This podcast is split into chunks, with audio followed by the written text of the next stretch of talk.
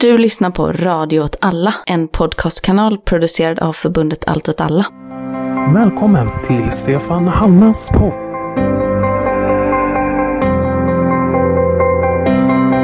Skulle man kunna säga att det är grönt, hälsosamt, kunskapsrikt och rikt rent generellt. Och eh, Sveriges bästa kommun eh, för eh, Uppsala, eller för människor att leva i och eh, besöka. En väldigt eh, enkel sammanfattning.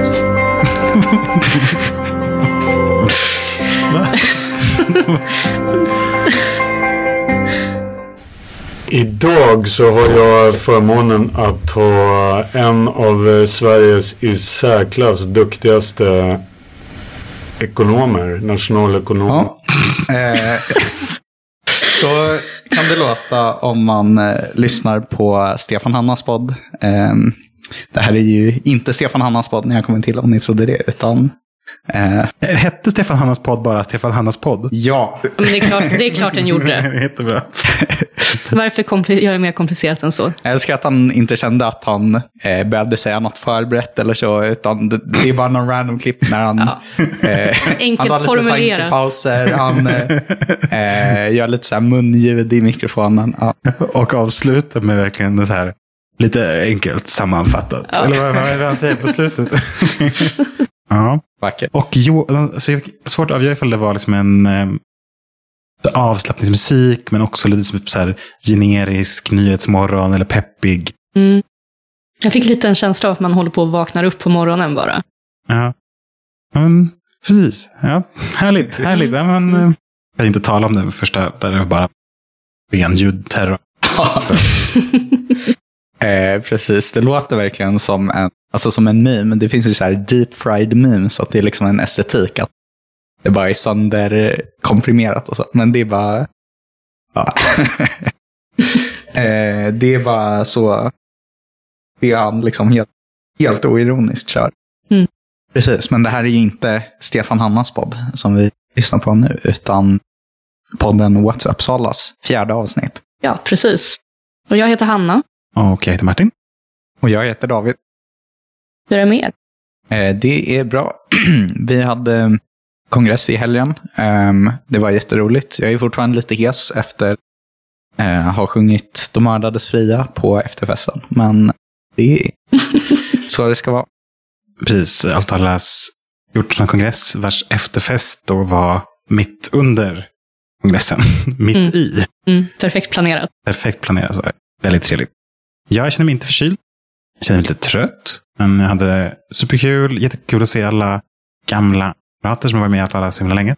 Det var toppen. Eh, Framförallt jätteroligt att åka dit med alla i gruppen. Vi var 11 personer som åkte från allt alla Uppsala. Vilket känns superkul med tanke på att vi var två som åkte förra året. Bilade ner också. Det var väldigt härligt. Ja, vi kallar det minibuss. ja, massbilism. Um, ja, ja, men som, som eh, introt antydde om så tänkte vi ju prata om vår absoluta favoritperson. Eh, Sveriges bästa lokalpolitiker. Eh, ingen annan än Stefan Hanna. Och jag vet inte riktigt vilken ände vi ska börja. Eh, ifall vi ska börja med hans historia, hur han kom hit. Ja, eller jag tänker eh, anledningen till att vi, eh, ja, vi hade nog pratat om honom ändå om jag ska vara ärlig. Men eh, han har ju blivit väldigt viktig i Uppsalas lokalpolitik. Vi trodde ju i förra avsnittet att hans parti, Utvecklingspartiet Demokraterna, inte skulle komma in i kommunfullmäktige. Men de kom in, de fick två mandat. Ja. Eh, och inte Ja. nog med det, eh, de har också vågmästarrollen i kommunen. Ja, så tji fick vi. Ja, ja jävlar vad de kom in Ja. i lokalpolitiken. Eh, Eh, precis, Liberalerna bytte ju också eh, block. Alliansen med stöd av SD då.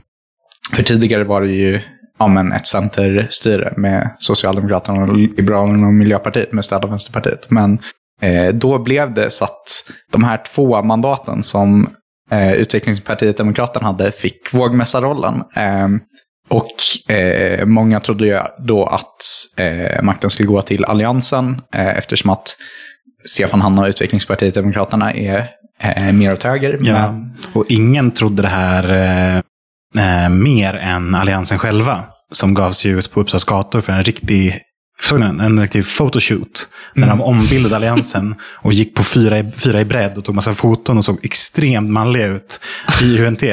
Bara två, tre dagar innan Stefan Hanna gjorde sin Gick in och gjorde som Stefan Hanna gör. ja, total kappvändning. Han eh, stöttade alltså de eh, rödgröna efter att han fick ordförandeposten i kommunens eh, bostadsbolag. Och som han själv beskriver det, fick igenom alla sitt partis Mm.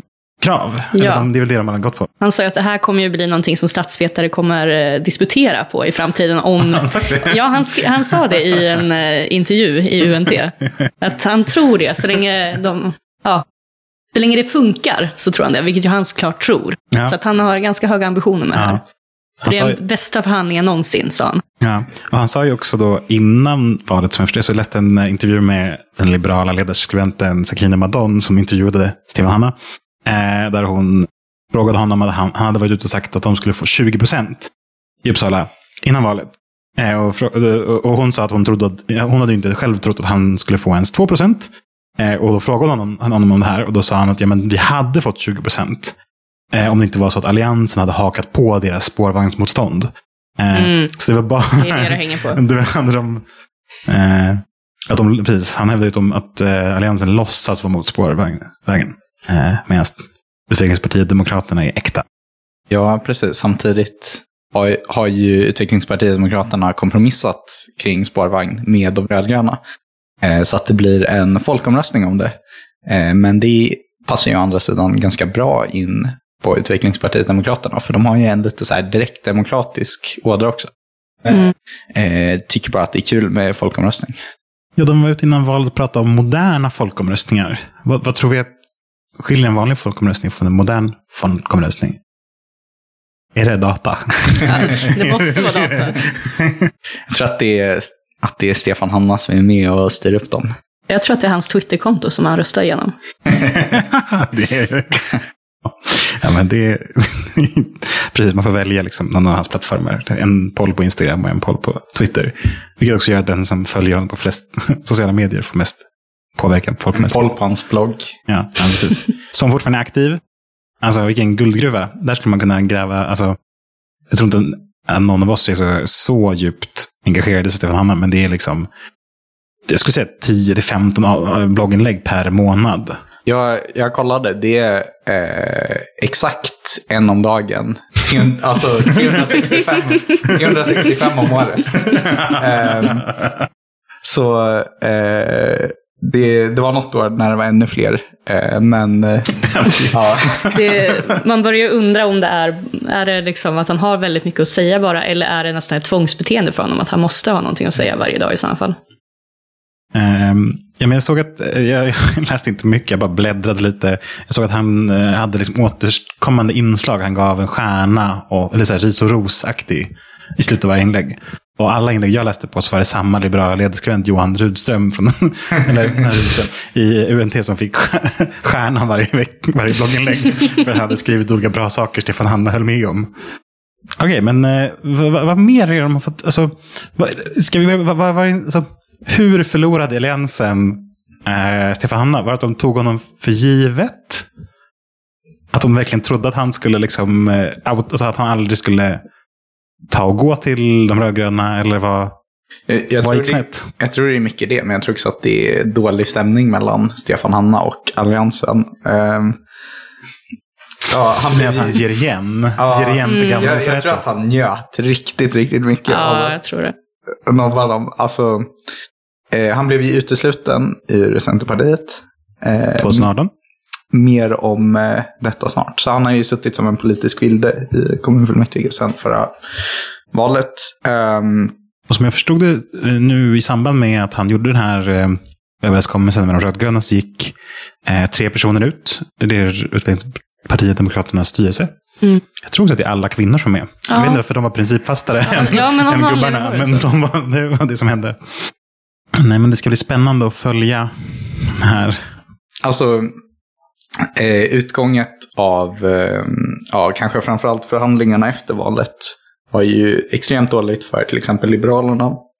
Eh, jag skulle också säga för Vänsterpartiet, men extremt bra för den här podden. Eh, för eh, det här är verkligen eh, den roligaste möjliga utkomsten av lokalvalet. Alltså, jag, jag kan verkligen inte föreställa mig hur det, hur det kunde ha blivit eh, bättre från... Knäppare. Mm, nej, Ja, verkligen. Från content. Ja, precis. Jag tycker det är otroligt nu att de ska försöka samarbeta fram till den här omröstningen om spårvägen och sen får vi se vad som händer efter det bara. Att det är, vem är det som tjänar mest på det här egentligen? Mm. Ja, vi har ju några kamrater i vår eh, kollektivtrafik och antimassbilism-arbetsgrupp som är väldigt taggade på att få kampanjer runt eh, folkomröstning om spårvagn. Och få prata mycket om spårvagn. Så att eh, det är ju också någonting att se fram emot. Är så hugad. Ja, guldläge att sätta upp våra fina nya stickers också. Mhm, mhm.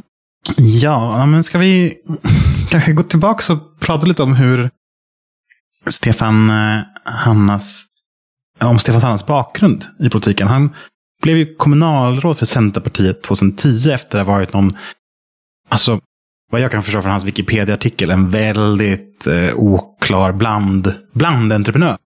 Lite allt möjligt. Alltså han har gjort allt möjligt. Jag kommer inte ihåg så mycket av det, men jag såg att han höll på med ett investeringsbolag som heter Hannafun. Eller Hannafun. Mm. Eh, han var med i någon eh, U-klubb. Någon sorts Uppsala eh, peppgrej. Den skulle försvara och positivt utveckla vår välstånd. Och stärka invånarnas stolthet över att vara Uppsalabor. Eh, så han har liksom härjat runt lite på utkanten på kommunpolitiken fram till 2010 när han gick med.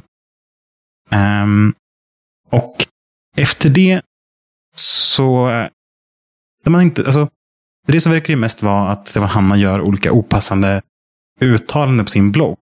Och får skit för det fram till då 2018 när Centerpartiet tröttnar på honom. Och kickar ut. De eh, försökte ju kicka ut honom en gång tidigare också.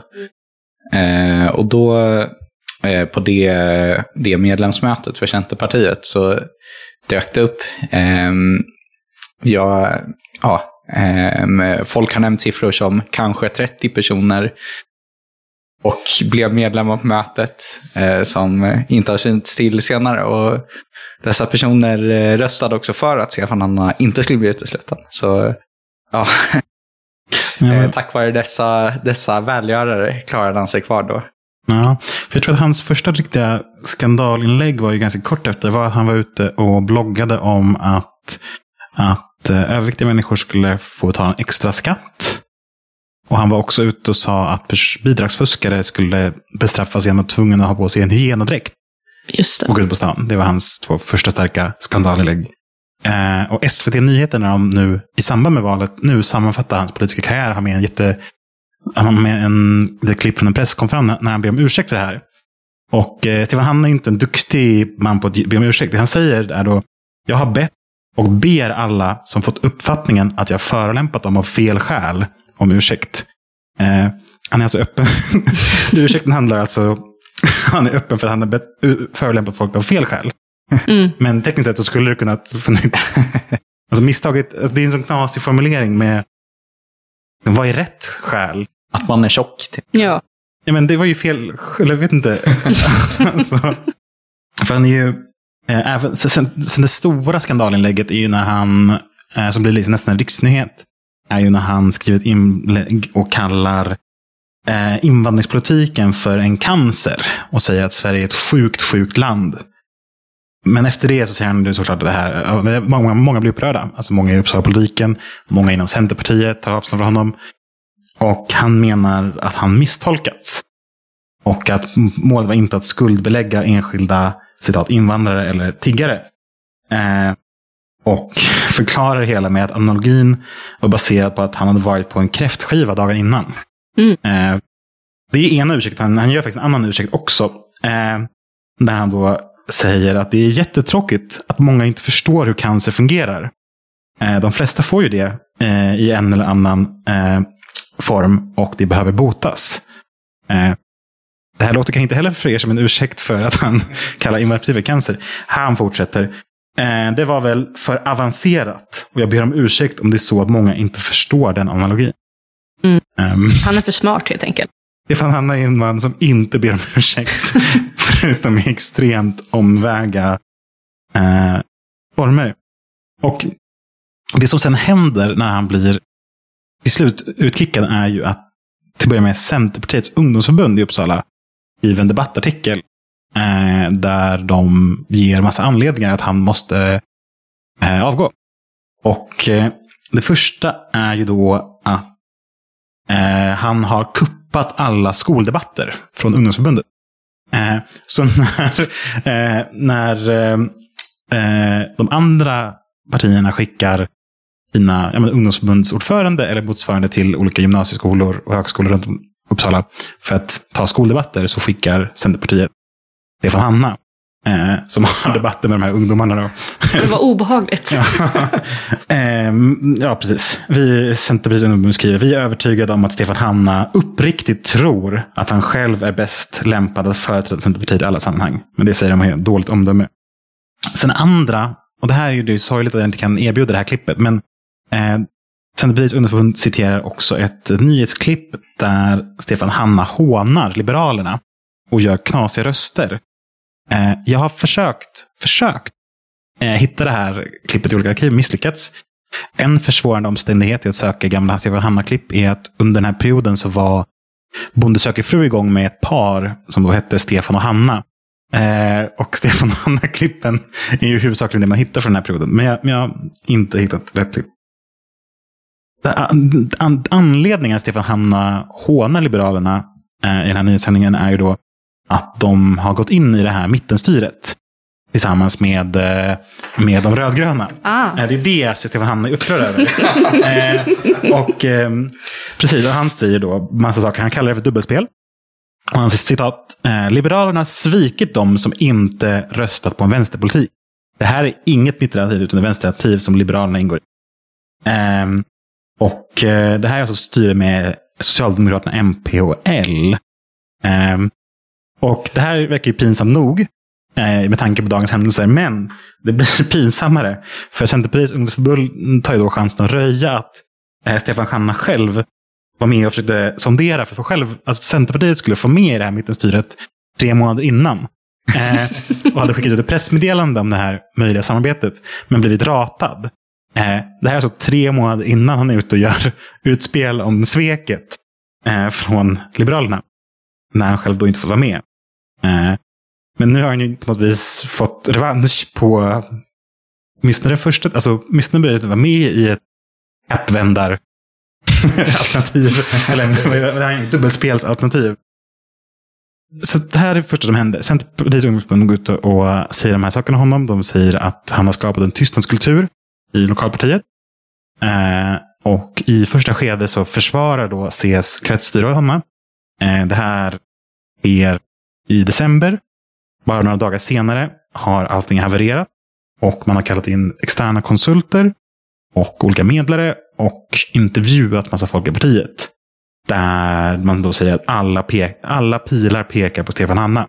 Att det är han som har varit, eh, men, de säger att ordet härskarteknik är det mest återkommande i den här interna undersökningen om hur Stefan Hanna då sköter sitt parti. Eh, Stefan Hanna håller inte med. Han säger att det är en demokratiskt, demokratiskt vidligt. Han säger också att det är helt orimligt att på så här grundlösa boliner uteslutas ur utesluta en person. Är det någon av er som har koll på vad en bolin är? Nej. Nej. Har ni hört talas om eh, ordspråket då, lösa boliner? Nej. Nej. Nej, inte jag heller. Eh, jag kollade upp det här. Då, en bolin är en tamp som används för att uh, hålla fast ett råsegel. Mm. Eh, ett råsegel tänker ni, vad är det? Jo, det är ett segel som, alltså ifall ni tänker vikingskepp eller liksom en eh, klassisk stort krigsskepp, när ett segel hänger på en stolpe, det är rået. Mm. Och seglet, ja, råsegel. En bolin, om man seglar med vinden så hänger ens boliner lösa Eh, och man åker lite vind för våg. Man åker till vinden man ska åka. Därav uttrycket lösa boliner. Eh, som då tydligen är aktivt i Stefan Hammas retoriska arsenal. Men han har också förvanskat det och säger grundlösa boliner till skillnad från då lösa boliner. Vilket är något annat. Eh, ja, och då åker han ju då till slut, eller ganska snabbt, ut ur eh, Centerpartiet. Är väldigt missnöjd med det. Men startar föreningen Uppåt, Uppsala. Eh, som eh, då ska låta honom fortsätta verka i politiken. Och mm, ja, han, han han lämnar ju inte kommunpolitiken med att han blir utsluten. Eh, han sitter kvar som politisk vilde hela mandatperioden ut.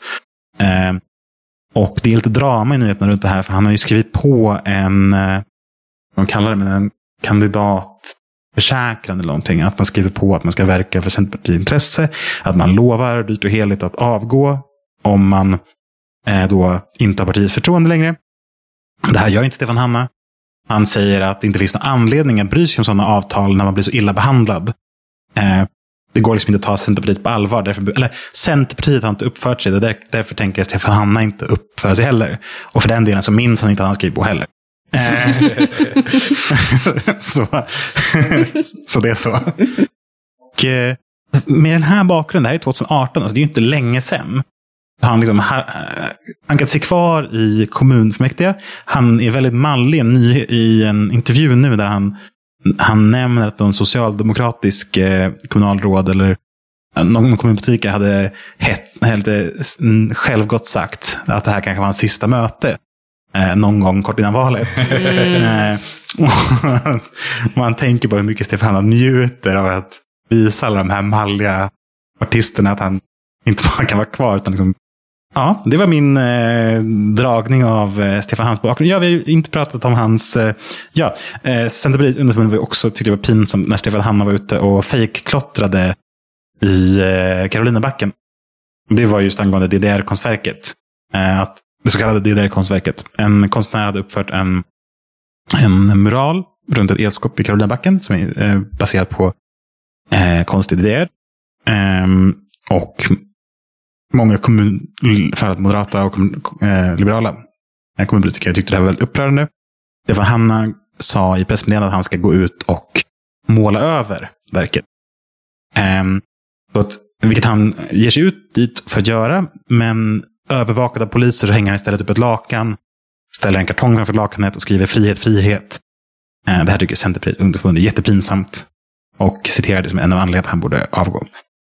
Och det är såklart väldigt pinsamt, men jag vet inte. Jag tycker det är kul med det här DDR-skåpet, för det finns ju, i och för sig, de kanske har satt upp det efter, men det finns ju en ett, sån här liten skylt som förklarar kontexten för eh, konstverket som står precis framför där. Så den skulle jag kunna tipsa alla arga lokalpolitiker om att läsa. Eh, det var också väldigt kul för det var en intervju med eh, konstnären som hade gjort eh, konstverket. Och han kommenterade det med så här, att det är väldigt intressant att de vill, de här liksom liberala politikerna vill förbjuda viss konst.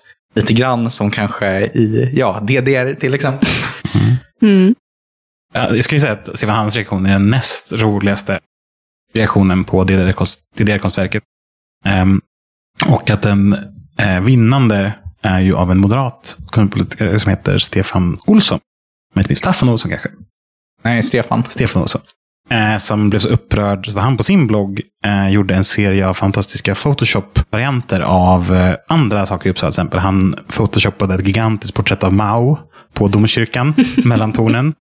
Eh, han gjorde, det var ganska snyggt också, eh, photoshopade upp en gigantisk banderoll med uh, The History of Facial Hair på Karolina-biblioteket. Alltså Lenin och Stalin och Mao på rad. Mm. Eh, och allting var liksom ganska roligt i det här inlägget. Han citerar, han klipper om eh, universitetets motto, Uppsala universitets motto, universitetshuset från att tänka eh, vitt stort, men tänka rött är större, till då att tänka rött istället för rätt. Mm. Eh, väldigt bra. Allting är väldigt roligt när man läser det här. Tills att han klipper in en massa svastika-flaggor på kommunhuset. Då känner man att det mm. kanske gått, gått lite överstyr. Det här är då den näst bästa bloggspotten som drivs av en eh, kommunpolitiker i Uppsala som heter Stefan. Ja, mm. ja precis. All right, det var... Nu, nu tror jag att jag tagit allt väldigt snabbt hafsade ihop om eh, Ja, men han har varit och härjat lite om cykelbanor. Han, han var oroad att cyklisterna skulle skräpa ner väldigt mycket. Eh, och de därför inte borde dra cykelbanor över folks land, mark. De inte ville det. Tack för mig. men eh, eh, precis, nu när vi har pratat om eh, eh varför Stefan Anna har gått över till de rödgröna så har vi ju kanske lyft saker som pekar på att han är eh, kanske ganska eh, narcissistisk och att det mycket handlar om olika eh, kanske oförrätter eh, eller att han vill ställa sig i en central maktposition. Och det är mycket sant att han vill ställa sig i en central maktposition. Eh, men eh, frågan är om det bara beror på att han är av vissa narcissistiska drag. Eh, jag tänker att ett eh, intressant begrepp för att förstå Stefan Anna är något som kallas eh, technopopulism. Det finns till exempel en bok av eh, Carlo eh, Ivernizzi eh, Achetti och Chris Bickerton som heter Technopopulism. Eh, och deras tes är ungefär att eh, förut så dominerades politik väldigt mycket av höger och vänster, men det håller på att falla bort för teknokrati och populism istället. Eh, och då tänker man kanske att de är motsatser till varandra. Det är så här folket mot, alltså populism mot expertis, teknokrati. Eh, men i själva verket så eh, det finns ingen annan, med höger och vänster så kan vi inte vara höger och vänster samtidigt. De är liksom, både representerar kapitalägare och arbetare.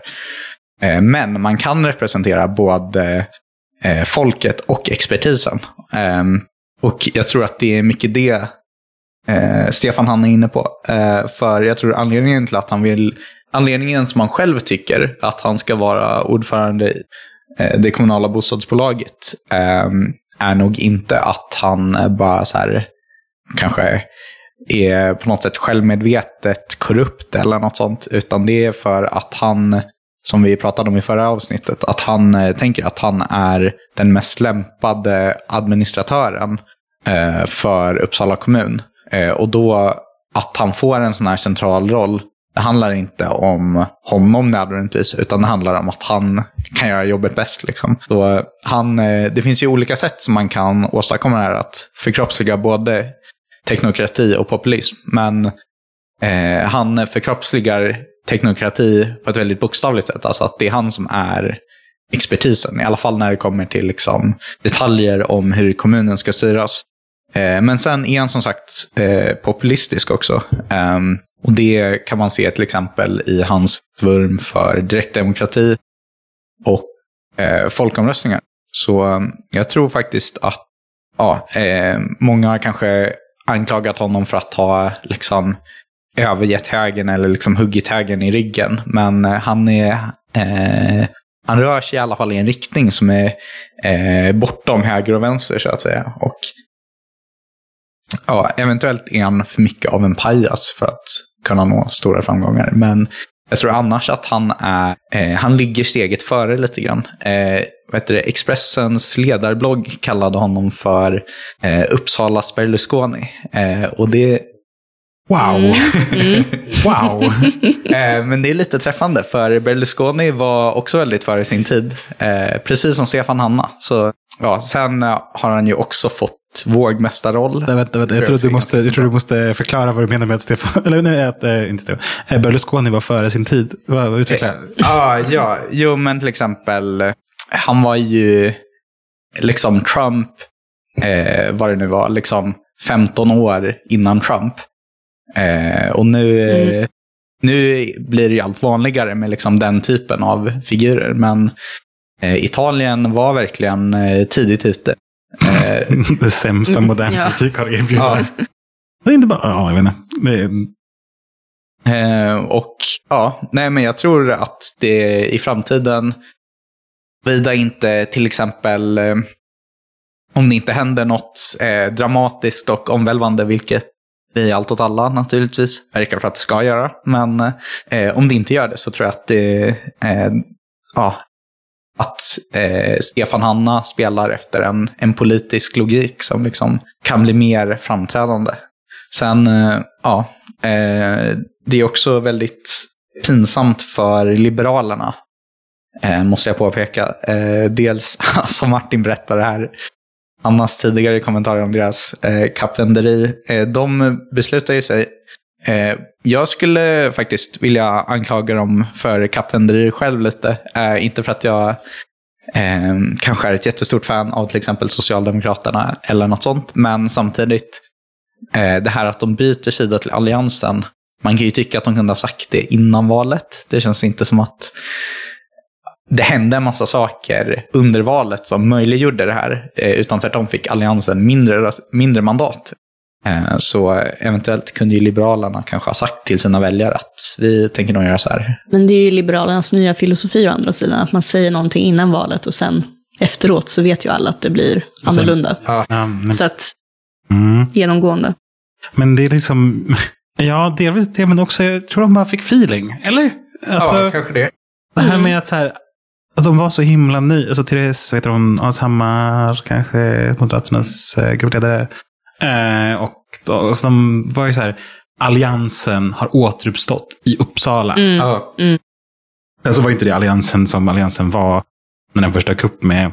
Det kändes mer som liksom att de tänkte göra samma typ av konservativa vändning i Uppsala. Eller det, var, Mm. det, alltså, det känns inte som de skulle vara Alliansen, öppna sina hjärtan, Alliansen. Nej. Nej, men de var ändå liksom... Det fanns en liksom, nostalgikänsla i den här Mm. grejen. Mm. Och man kanske, Liberalerna bara kanske fick feeling. Mm. De bara kanske tyckte det var jättehärligt att vara kompisar med sin gamla gäng igen. gu- gulligt Ja, ändå. Nu drar vi ihop alltså- alliansen igen. Jag förstår att de tycker att det är roligare än att bli lite så här småmobbade av Socialdemokraterna.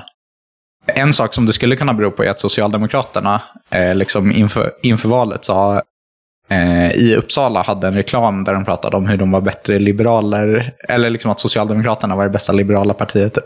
Man kan ju förstå att Liberalerna blev, kände sig lite kränkta. Eh, samtidigt tycker jag att det är en dålig anledning att byta block. Eh, jag vet inte, det är kanske inte superseriöst, men eh, Mycket som bygger på småsinthet här. Ja, ja verkligen. Eh, Men de kunde ju ha sagt innan valet, eller så här, det, om, ha den här, så här härliga alliansen. Så här, tror de inte på det, tror de inte att det kan dra röster? För i så fall är det ju, eh, det är ju ganska patetiskt liksom, att de känner att de måste liksom smyga med det här. Eller, eller är det liksom just den här socialdemokratiska grejen? För i så fall är det väldigt småsint.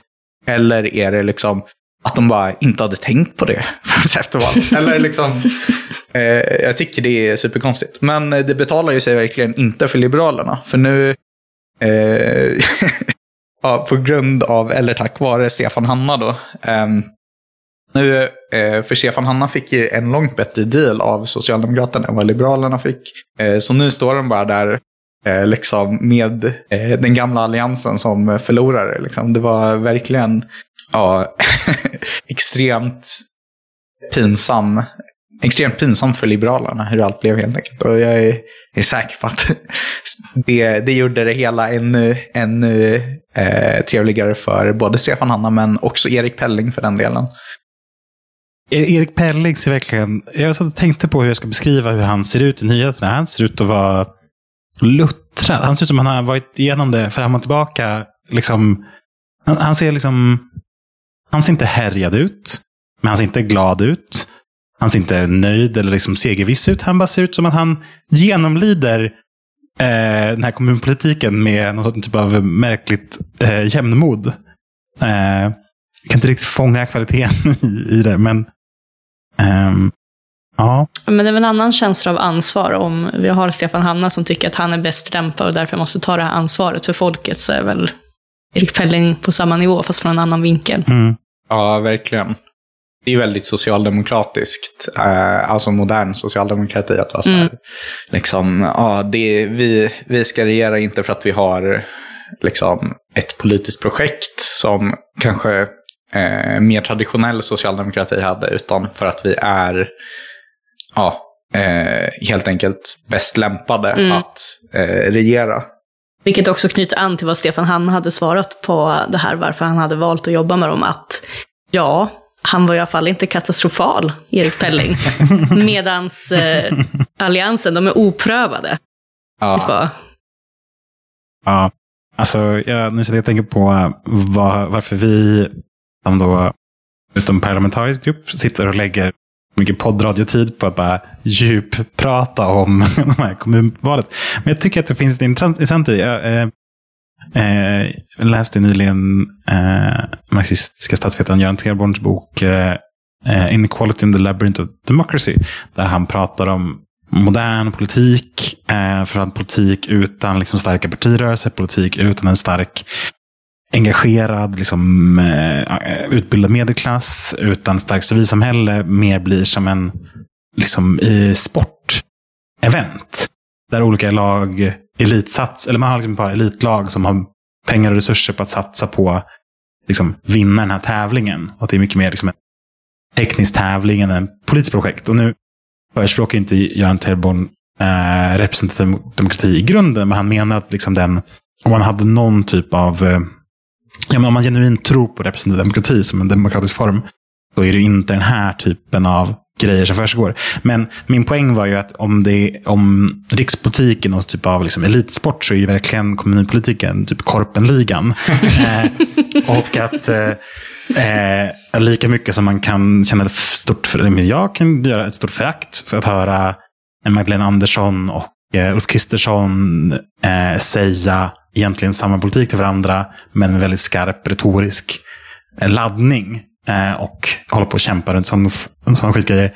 Eh, lika mycket som det inspirerar när vi göra politik som inte är inom partivärlden, så eh, för det, just för att det är så trimmat, just för att det är så inövat, just för att det är så himla kallt och människofrämmande.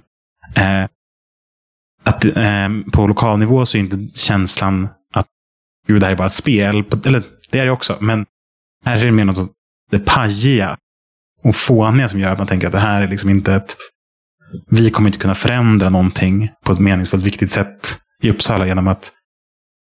Ja, men, alltså, man, man uppskattar kanske väldigt mycket, många vänsterpartister och många vad Vänsterpartiet gör i Uppsala, men eh, sitta och eh, liksom vara utsatt för ombildningar av Alliansen eller Stefan Hammars shenanigans eller att eh, Erik Pelling och Miljöpartiet liksom är så liksom, lika öppna för att samarbeta och lova saker till Liberalerna som till eh, Stefan Hammar som till vem som helst. Eh, ja, men gör man kanske känner att man vill leta efter andra alternativ.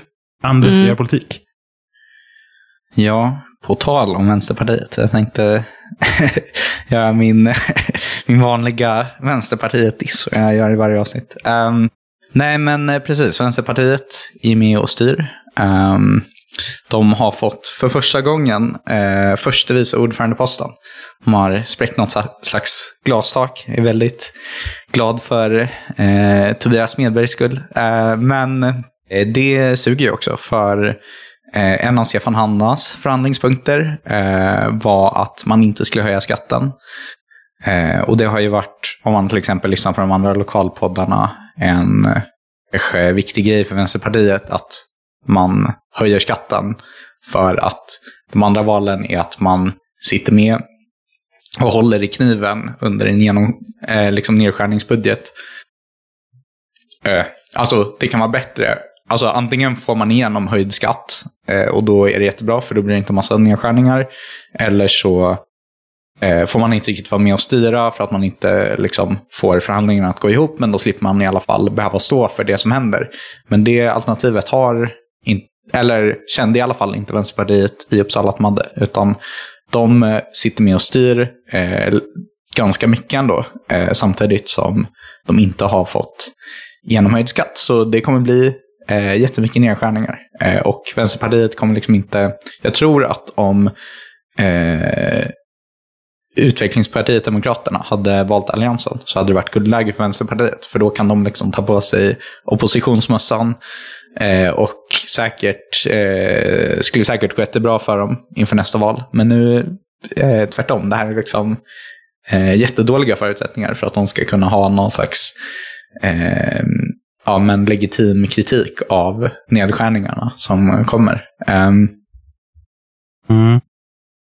Jag sitter ju också på uh, inside scoop om varför uh, Vänsterpartiet Nej, varför det, gick bättre, varför det inte gick bättre för Vänsterpartiet i Uppsala. Mm.